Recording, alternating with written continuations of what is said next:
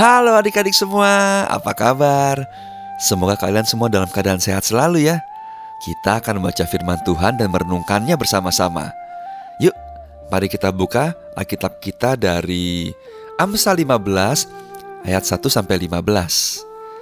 Sebelum kita membaca firman Tuhan dan merenungkannya, kita berdoa dulu yuk memohon kekuatan dari Tuhan. Mari kita berdoa.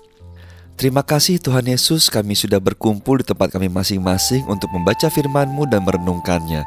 Sertai kami dan berkati kami Tuhan, agar kami mengerti akan firman-Mu dan kami mampu menjalankannya dalam kehidupan kami masing-masing. Terima kasih Tuhan Yesus, dalam namamu kami berdoa dan mengucap syukur. Haleluya. Amin. Renungan hari ini berjudul Air yang Lemah Lembut. Sebelum mendengarkan renungan, mari kita membaca firman Tuhan sudah kita siapkan. Firman Tuhan diambil dari Amsal 15 ayat 1 sampai 15. Demikian firman Tuhan. Jawaban yang lemah lembut meredakan kegeraman, tetapi perkataan yang pedas membangkitkan marah. Lidah orang bijak mengeluarkan pengetahuan, tetapi mulut orang bebal mencurahkan kebodohan. Mata Tuhan ada di segala tempat, mengawasi orang jahat dan orang baik. Lidah lembut adalah pohon kehidupan, tetapi lidah curang melukai hati. Orang bodoh menolak didikan ayahnya, tetapi siapa mengindahkan teguran adalah bijak. Di rumah orang benar ada banyak harta benda, tetapi penghasilan orang fasik membawa kerusakan. Bibir orang bijak menaburkan pengetahuan tetapi hati orang bebal tidak jujur. Korban orang fasik adalah kekejian bagi Tuhan, tapi doa orang jujur dikenannya. Jalan orang fasik adalah kekejian bagi Tuhan, tetapi siapa mengejar kebenaran dikasihinya.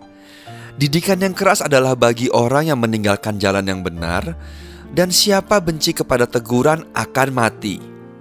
Dunia orang mati dan kebinasaan terbuka di hadapan Tuhan, lebih-lebih hati anak manusia. Si pencemooh tidak suka ditegur orang, ia tidak mau pergi kepada orang bijak. Hati yang gembira membuat muka berseri-seri, tetapi kepedihan hati mematahkan semangat.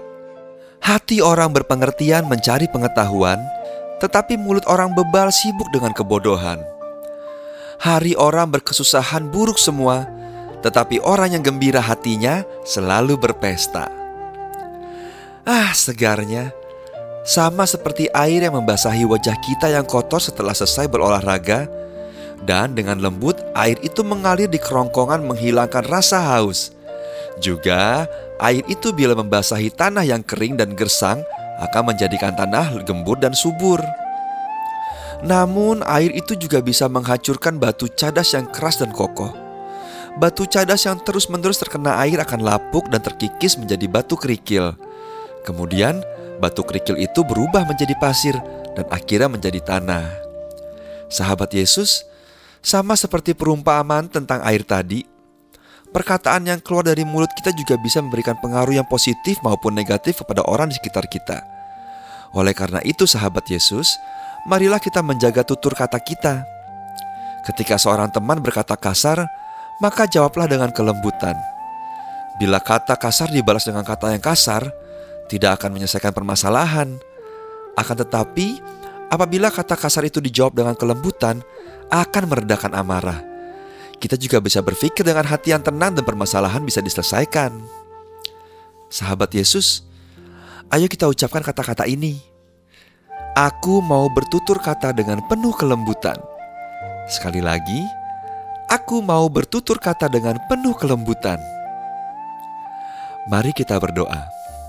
Bapa di surga, ampunilah kami bila masih sering bersikap kasar terhadap sesama kami.